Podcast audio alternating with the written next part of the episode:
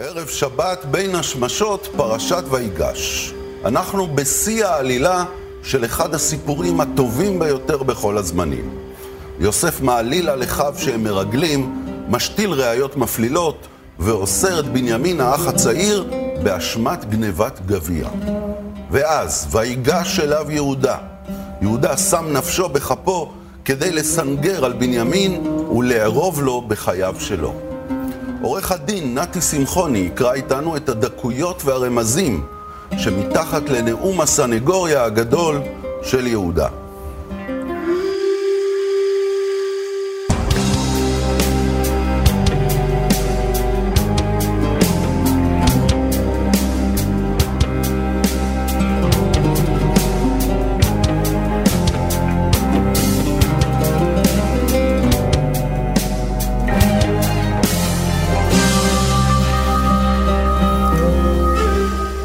שלום לך, עורך הדין נתי שמחוני. שבת שלום. תשמע, יש לנו פה פרשה שהיא בעצם פרשה של מישהו שטוען, טוען לפני סמכות עליונה, לפני שופט, לפני מישהו שיכול להכריע את גורלו ואת גורל אחיו הצעיר בנימין, כן? יהודה פה הולך על כל הקופה, כן? הוא חייב שהרגע הזה יגיע למיצוי הכי טוב שיכול להיות. אתה יכול לעזור לנו בעצם לקרוא את, ה, את הדרך המיוחדת שעושה פה יהודה? ודאי. צריך גם לזכור, אה, כשיהודה בעצם בא וטוען כאן בפני יוסף, מה היה קודם? כשהאחים מגיעים למצרים, יוסף בעצם טוען ומעליל עליהם שהם מרגלים. הוא יודע שהם לא מרגלים, הם לא יודעים שהוא יוסף.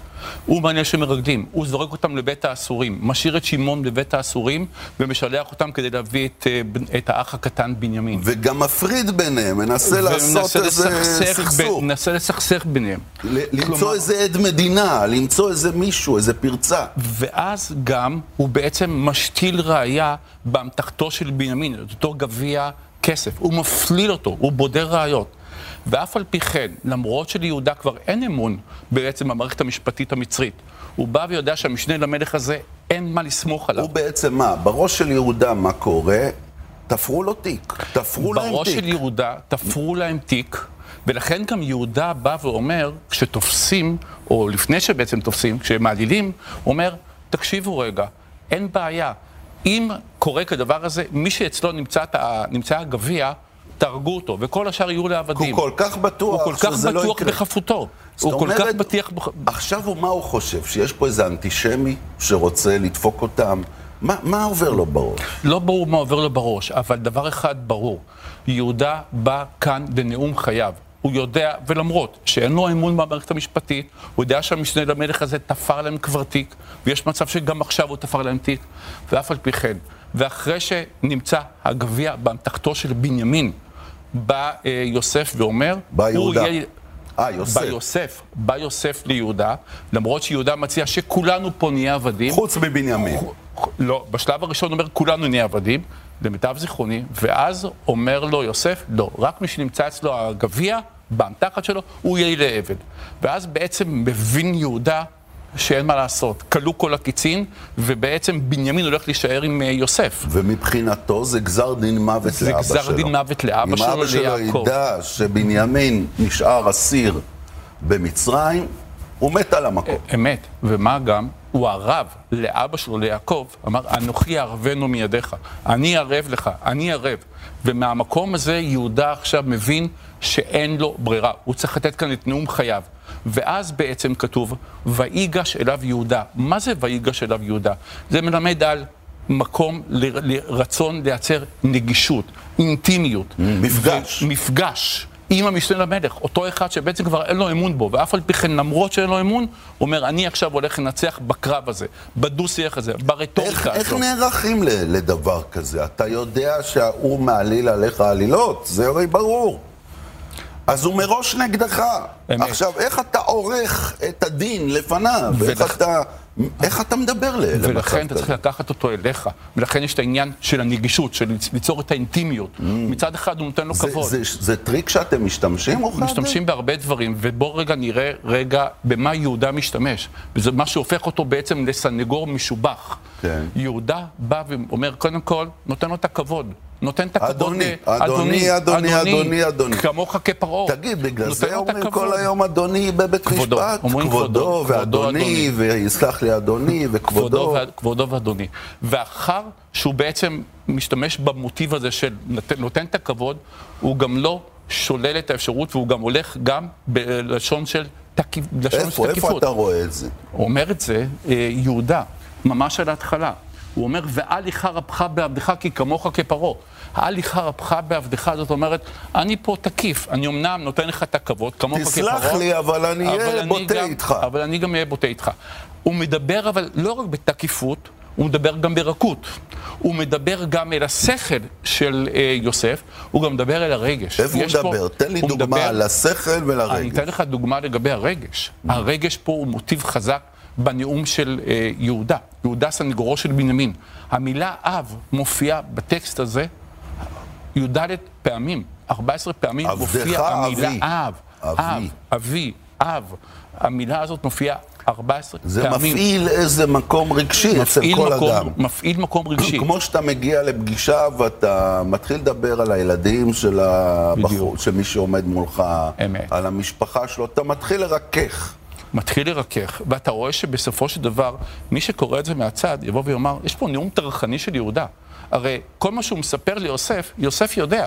הוא מספר מגולל את מה שבעצם עברו יחדיו. אבל לא, מה שהוא ויוסף- אומר זה כמו בשימוע, יש לך את הראיות, אבל לי יש את התמונה שאני יודע לספר. התמונה שאני רוצה לספר לך, כן. למרות שאני כסנגור חושב שהשופט יודע הכל, או שבעצם הכל גלוי. מה שמלמד אותנו, לעולם אל תניח אבן על אבן. ואף על פי כן, גם מי שקורא את זה מהצד, כפי שאמרתי, נאום טרחני, אבל אנחנו מצווים להפוך כל אבן אז מה הטיעונים? כדי... מה הטיעונים של יהודה? מה הוא הטיעונים- אומר ליוסף? הטיעונים של יהודה, הוא אמר, תקשיב, אנחנו היינו פה, עשינו מה שאמרת, הלכנו, חזרנו. בסופו של דבר, אבל הטיעון שהוא טיעון שמנצח, הוא הטיעון שבעצם פועל אל הרגש של יוסף. כי הרי טיעון אחר טיעון, אתה רואה שיוסף לא מתרגש מהטיעונים.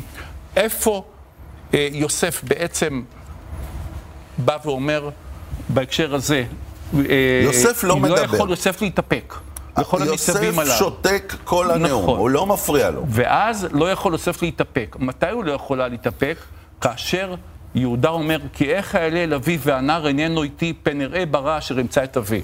הוא אומר, אם הוא אני לוחץ עכשיו... לו על הנקודה. לוחץ על הנקודה. וכאן, בנקודה הזאת, בעצם, יוסף מתפייס עם אחיו. מה זה מתפעס? הוא קודם כל, יש פה איזו התפרקות איומה של רגשות. בואו נקרא את זה ביחד, נתי. כן. ולא יכול יוסף להתאפק לכל הניצבים עליו, ויקרא, הוציאו כל איש מעליי. נכון. ולא עמד איש איתו בהתוודע יוסף אל אחיו. אמת. ויתן את קולו בבכי, וישמעו מצרים, וישמע בית פרעה, זאת אומרת, זה היה בכי עם אקו מאוד מאוד גדול, למרות שהוא סגר את הדלתות, ולמרות שהוא הוציא את כולם, הבכי נשמע בכל ארץ מצרים. היה בכי ועיני רציני, אבל צריך לזכור עכשיו ולהדגיש משהו מסוים. מי זה יהודה הזה? בואו רגע נזכיר נשכחות. יהודה הזה הוא זה שהציע לאחים, שבעצם רצו להרוג אותו, וראובן אמר, לא נהרוג אותו, בואו נזרוק אותו בואו- לבור. מה יהודה אומר לאחים? לא, זה ראובן. זה ראובן אומר. ואז יהודה ראובן, אומר, ואז יהודה- בואו נכון. נמכרנו לישמעאלים. בואו ונמכרנו לישמעאלים. מה זאת אומרת בואו ונמכרנו לישמעאלים? האחים רוצים להרוג אותו. ראובן אומר, בואו בואו נשליך אותו לבור. יהודה בא ואומר, לא, בואו לכו ונמכרנו לישמעאלים. למה? לעבד. ועכשיו כאן, יהודה, כשהוא טוען בפני יוסף, מה הוא אומר בפסוק קודם? הוא בא ואומר, שחרר את בנימין.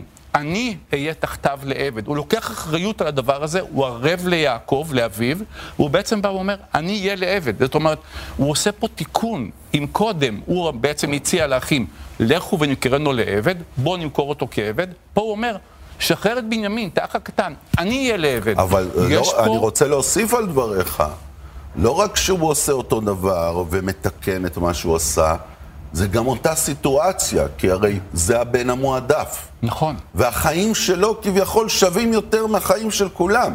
שזה הדבר שהכעיס את כולם אמת. בהתחלה, בהתחלה. בגלל זה הם שנאו את יוסף. נכון. אז הוא, התיקון פה הוא, הוא ב, בסיטואציה המדויקת ביותר שבה חל הקלקול. מעולה. תיקון אמיתי, תמונת מראה למה שקרה קודם. ולכן, לא בכדי, העם היהודי, על שם מי הוא נקרא? שם יהודה. דווקא יהודה מכל האחים... שיודע להודות ש... שיודע בטעויות. להודות. לכן לשון יהודה, מלשון להודות. יש פה חזרה בתשובה. יהודה הוא באמת החוזר בתשובה הראשון תגיד, במקרא. אגב, ולכן יש פה את הדבר הזה, ולכן לא סתם נקרא שמו יהודה. יפה אתה אומר. ואנחנו נקראנו על העם היהודי, אבל על גם שמו של יהודה. ישראל זה גם שם טוב, אתה יודע. גם- ישר אל. גם ישראל זה שם טוב. ועכשיו כבר מדברים על שמות, יוסף. יוסף, אם נשנה את סדר האותיות, זה לשון פיוס. או, כאן בעצם יוסף, בסיטואציה הזאת, מתפייס עם אחיו, כי הוא יודע שהנה, הוא הצליח להביא את יהודה לחזרה בתשובה אמיתית, יהודה מודה באשמה, לוקח ערבות על אה, האח הקטן בנימין, ויוסף ברגע הזה, ודווקא ברגע הזה, אומר, אני עכשיו, זאת הנקודה שאני מתפייס עם תשמע, ולכן זה, זה. יפה מאוד. אתה מדבר כמו ראש ישיבה. יש לך עבר בתוך העולם של התורה? יש לי עבר ויש לי גם הווה. אני למדתי בישיבה תיכונית, למדתי בישיבת בני עקיבא כפר רועה, Mm. ודאי, זה גירסא דאנקותא. כן, למדת טוב, נכנסת לעניינים, לגמרי. לגמרי, ואתה עדיין היום ממשיך אה, במורשת? או- ברור, זה גירסא דאנקותא, זה אנחנו עם הספר, זה חלק מהמורשת שלנו, משרשרת הדורות. אתה לא דתי, אנחנו לא מצווים. מגדיר את עצמך כדתי. אני אדם מאמין, מאמין בבורא עולם, מאמין בסיבה ומסובב, Mm. אה, מאמין בכך שצריך לשמור ולשמר את המסורת, ושאנחנו חלק משרשרת דורות. ואתה קורא פרשת שבוע? קורא באופן, פרשת אה, שבוע, ודאי, לא רק פרשת שבוע, קובע עיתים לתורה, לימודי גמרא, פלפולי הגמרא אז שמחדדים לנו את תגיד, המוח. למה נהיית עורך דין? אומנם אתה מאוד מצליח, אתה עורך דין בכיר מאוד, אה, מייצג את מיטב עברייני הצווארון הלבן בארץ, ו- וחבל, פספסת קריירה כראש ישיבה, כפר הרועה או פונביז', מה שהיית רוצה. תראה, אמנם ב- בישיבת בני עקיבא כפר אורש שלמדתי, אז ייעדו אותי באמת להיות רב ראשי ספרדי. כן? אבל חושב- זה- זה- שם בנו כן. אותך לזה? הרב משה צבי נרס, זיכרונו לברכה. אכן כן. תראה מה פספסת. אכן כן. אבל הרווחנו משהו אחר. בסופו של דבר, אנחנו, תפקידנו כעורכי דין, כסנגורים, ללמד זכות על עם ישראל. Mm. זו זכות גדולה וזאת שליחות. שאלת אותי עכשיו, למה דווקא בחרתי, איך התגלגלתי לדבר הזה? אתה יודע, החיים הביאו אותנו למקומות שאנחנו לא יודעים תמיד איך הגענו, אבל יש בי זיכרון ילדות, שהוא צרוב עד היום בתודעתי. איפה גדלת קודם כל? גדלתי בשכונת התקווה. ממש? ארטקור התקווה? ממש שכונת התקווה, שכונה באותם ימים, שכונה מוכת פשע, שכונה קשת יום, שהפיתויים היו רבים. זאת אומרת, אה, היית יכול להתגלגל אה, לפשע ולהיות אה, המאפיונר הראשי בסיבוב אחר. אתה אמרת, אה, בהחלט הפיתויים היו רבים, אבל לקחתי אחריות, כמו שיהודה כאן בעצם לוקח אחריות על אחיו, על האח הקטן שלו, לקחתי אחריות על החיים שלי, וכמו שאמרתי, אני מאמין בסיבה ומסובב, דברים הרי לא קורים סתם, והתגלגלתי לישיבה בני עקיבא כפר הוראה, מה זאת אומרת התגלגלתי? קיבלו החלטה, נתקבלה החלטה שאני לא נשאר בשכונה, ואני מהשכונה יוצא מי, החוצה. ההורים? אה, זה היה שיתוף פעולה גם של ההורים, גם של מורה שהגיע באקראי באותה שנה. תמיד ל- יש איזה. מורה אחד טוב. תמיד יש איזה מורה גם אחד לי טוב. היה אחד כזה. אשריך. כן, כן. אשריך. אז, אז הוא ככה דיבר עם ההורים, יש פה בחור אינטליגנטי, מוכשר, חבל שהוא יתבזבז פה בשכונה. משהו כזה. הוא אמר, אני זוכר את המשפט גם שהוא אמר, עדיף שתהיה זנב לאריות ולא ראש לשועלים. אז תשמע, בואו נחכה בנקודה הזו, ניקח הפסקה קצרה וכבר נשוב אליכם.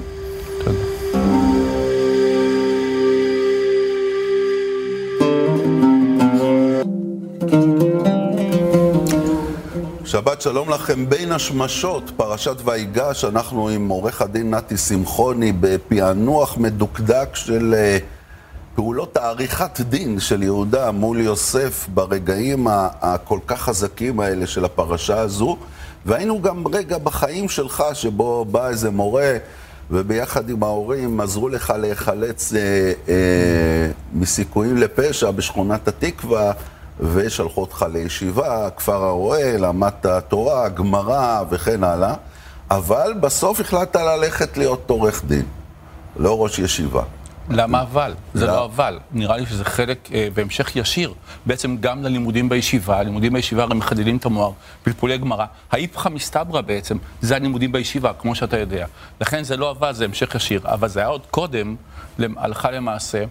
כאשר אני זוכר, זיכרון ילדות, היותי בן 14, אני משחק עם אח שלי כדורסל בשכונה, ואז עוצרת לידי אה, ניידת, טוענת כלפיי טענות שווא, כביכול, ששדדתי מבנה אה, סמוך, פרצתי לאותו מבנה סמוך. אני אומר להם, רבותיי, יש לכם כנראה טעות אה, בזיהוי, זה לא אני. לא אמרת להם, זה בשפה העורך דינית הזו, ברור נכון? שלא, אני, אני ילד בן 14. בשכונת אני משכונת התקווה. התקווה. ילד בן 14 משכונת התקווה, שמנסה לבקש על דוושו מול אותם שוטרים אה, עתירי כוח. אז מה, להם- תופסים אותך, אוזקים אותך? ואז אה, מעלים אותי לניידת, לא משתכנעים, לא רק שהם לא משתכנעים, הם מאיימים עליי תוך כדי סיבוב ברחובות השכונה. זה היה אמנם דקות, אבל דקות שדמרו בעיניי כנצח. למה, הם רצו למכור שאתה כאילו נעתקה. אה, מלשין? נשימתי נעתקה, הם איימו עליי, הילכו עליי אימים, ושאם אני לא אודה באשמה, אה, יאונה לי רע. ולכן הייתי במצב של באמת של חוסר אונים. אבל בסופו של דבר, כמובן, הם השתכנעו שכנראה ידי לא הייתה במעל, אבל החוויה הזאת, החוויה הזאת צרובה, והיא ליוותה אותי עד היום, בעצם היא מלווה אותי, כאשר ההתנהלות הזאת של גורמי אכיפת החוק לעיתים, היא לא התנהלות שהיא אמורה להיות, או שהיא מתנהלת בהתאם כפי מצוות המחוקק. והחוויה הזאת צרובה בתודעתי, ואין לי ספק שהיוותה את אחד הגורמים בעצם להיותי מה שאני היום, ותרמה גם לאישיותי כמי שמגן על זכויות האזרח. תגיד, אבל אתה, אתה מייצג הרבה מאוד אה, אה, אנשים אה, אה, שמואשמים בשוחד, הפרת אמונים, כל מיני דברים כאלה שפוליטיקאים בכירים בדרך כלל מואשמים בהם. ו, ואתה תמיד בטוח שאתה יוצא לטובת הצדק, או שאתה יודע, אה, אתה עושה את העבודה שלך. אנחנו צריכים לעשות, האמת, כמו שיהודה כאן עושה. מה? יהודה הרי לא יודע אל נכון שבנימין באמת לא בטח עבר שהוא עבירה. יודע, מה יש הוא לבנימין לא- לגנוב את הגביע? יהודה לא יודע, יהודה מאמין. אה, אתה אומר, אולי יש לו. ספק בלב. הוא לא יודע, הוא אולי יודע- הוא, בנימין הוא עוד כזה יוסף שאוהב לגנוב אולי דברים. יהודה הרי לא יודע, יהודה יודע שכשהוא בא והאשים אותם יוסף שהם מרגלים וזרק אותם לבית הסורים, זאת הייתה עלילה. לגבי בנימין, הוא לא יודע, הוא מאמין שבנימין לא עבר עבירה, ואף על פי כן יוסף גזר את דינו אה, שיהיה עבד אה, אליו. אבל בהקשר הזה, אנחנו, מחובתנו כמובן ללמד זכות על כל לקוח, בין אם הוא עבר עבירה או בין אם הוא לא עבר עבירה. לא יש- בהכרח, לא בהכרח, לימוד של כל זכות זה דווקא להילחם על חפותו. לעתים גם אפשר להגיע להסדר מקל באופן שמשקף אל נכון את המידתיות לגבי אה, חטאו של אותו אדם. אתה אומר גם לא- לא- להפחית באשמה או להפחית, ב- בעונש, גם להפחית באשמה או זה. מצווה מבחינתך. ודאי. מצווה ללמד על כל אדם אה, זכות. ודאי שכן. ולקיים מצוות מתיר אסורים בכלל היא מצווה. כן. וכאשר אנחנו מצליחים גם להביא אדם בקהל ישרים, אז זה באמת אה, זה זכות קורה, גדולה. זה קורה, יש את הרגעים האלה, כמו פה, הפרשה הזו היא בעצם לכאורה נגמרת בהפי אנד, אבל זה לא פשוט, יש פה אנשים שעשו חטא איום ונורא, כלפי אדם וכלפי אחים, אח, אח שלהם בפרט. מכרו בן אדם לעבד, שללו את חירותו. נכון. עבד, זה לא אסיר, זה עבד, אין לו זכויות, אין לו כלום, הוא כלום, עפר ואפר. והוא מצליח לסלוח להם. הוא מצליח להתפייס, הוא מצליח ללכת לקראתם, הוא מוצא את הגודל, את הרוחב הנפשי. השאלה, האם הם מצליחים לעשות את, ה, את השינוי הזה? הם זה האחים. האחים. יהודה אמרנו, יהודה עשה את השינוי הזה. יהודה, אבל הם לא. לכו ונקראנו הם לישמעאלים. לא חזרו בתשובה. מי זה הם האחים? שמעון, לוי, מאין אתה לוקח את זה? למה אתה חושב שהם לא חזרו בתשובה? אבל, ולכן אני אומר, אז בוא נאמר, נדבר רגע על יהודה. יהודה חזר בתשובה, וכמו כן, שאמרתי, יהודה, כן. אנחנו נקראנו, העם היהודי, זכה שבט יהודה שנקרא על שמו, ויהודה חוזר בתשובה הראשון. כן, אמרנו את ויוסף, זה, כן. אמרנו את זה. ויוסף כאן, למעשה, יוסף, כמו שאמרנו, הוא מצליח לפייס את עצמו עם האחים. זה, זה, באמת, זה באמת, כמו שאתה אומר, מעיד על גדלות. מעיד על גדלות, ולא בכדי חז"ל אמרו על למה, יוסף שהוא למה יוסף אני הצדיק. בספק אם, הם, אה, הם, אם כן. הם קרה להם משהו?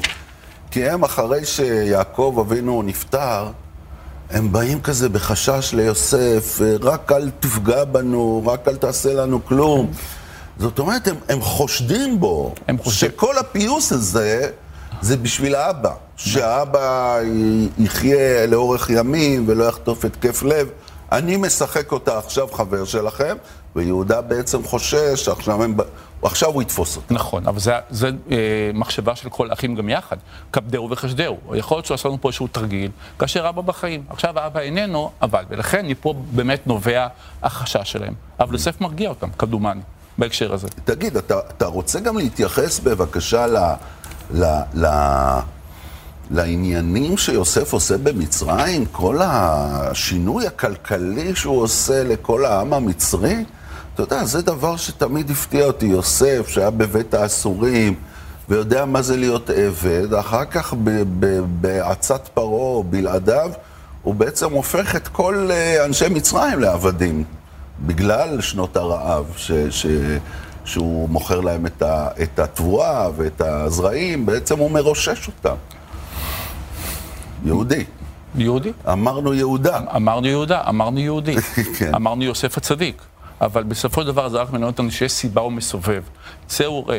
הרי אם אה, יהודה לא היה אומר לאחים, לכו ונמכרנו לישמעאלים, בעצם לא היינו מגיעים עד הלום. יכול להיות שכשהיה רעב, לא, היינו, לא היה לנו היום קיום. Mm. בזכות כך שבעצם יוסף נמכר לישמעאלים, הוא הגיע לבית אה, פוטיפר, הוא הגיע לבית האסורים, פתר את החלום לשר המשקיעים ולשר הרופאים, פתר את החלום אה, לפרעה, ולכן בעצם נשבר הרעב.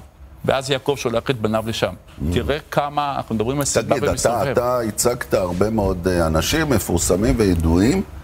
אה, זה, זה יותר קל או יותר קשה לעשות את זה? יותר קל לייצג אדם מן השורה או את אביגדור ליברמן? זה לא משנה את מי אתה מייצג. צריך לזכור, גם אנשים שבטוחים בעצמם ומתנהלים ביום-יום בצורה סמוכה ובטוחה, כשמגיעים לרגעים הללו, הם רגעים קשים לכל אדם, רגעים קשים נשוא, זר לא יבין זאת. כשהם דפקים על דלתך בבוקר, גם אם אתה אדם רם ונעלה, ב-5.48 לא, או ב-6 לא, בבוקר. לא אצלי. לא אצלך.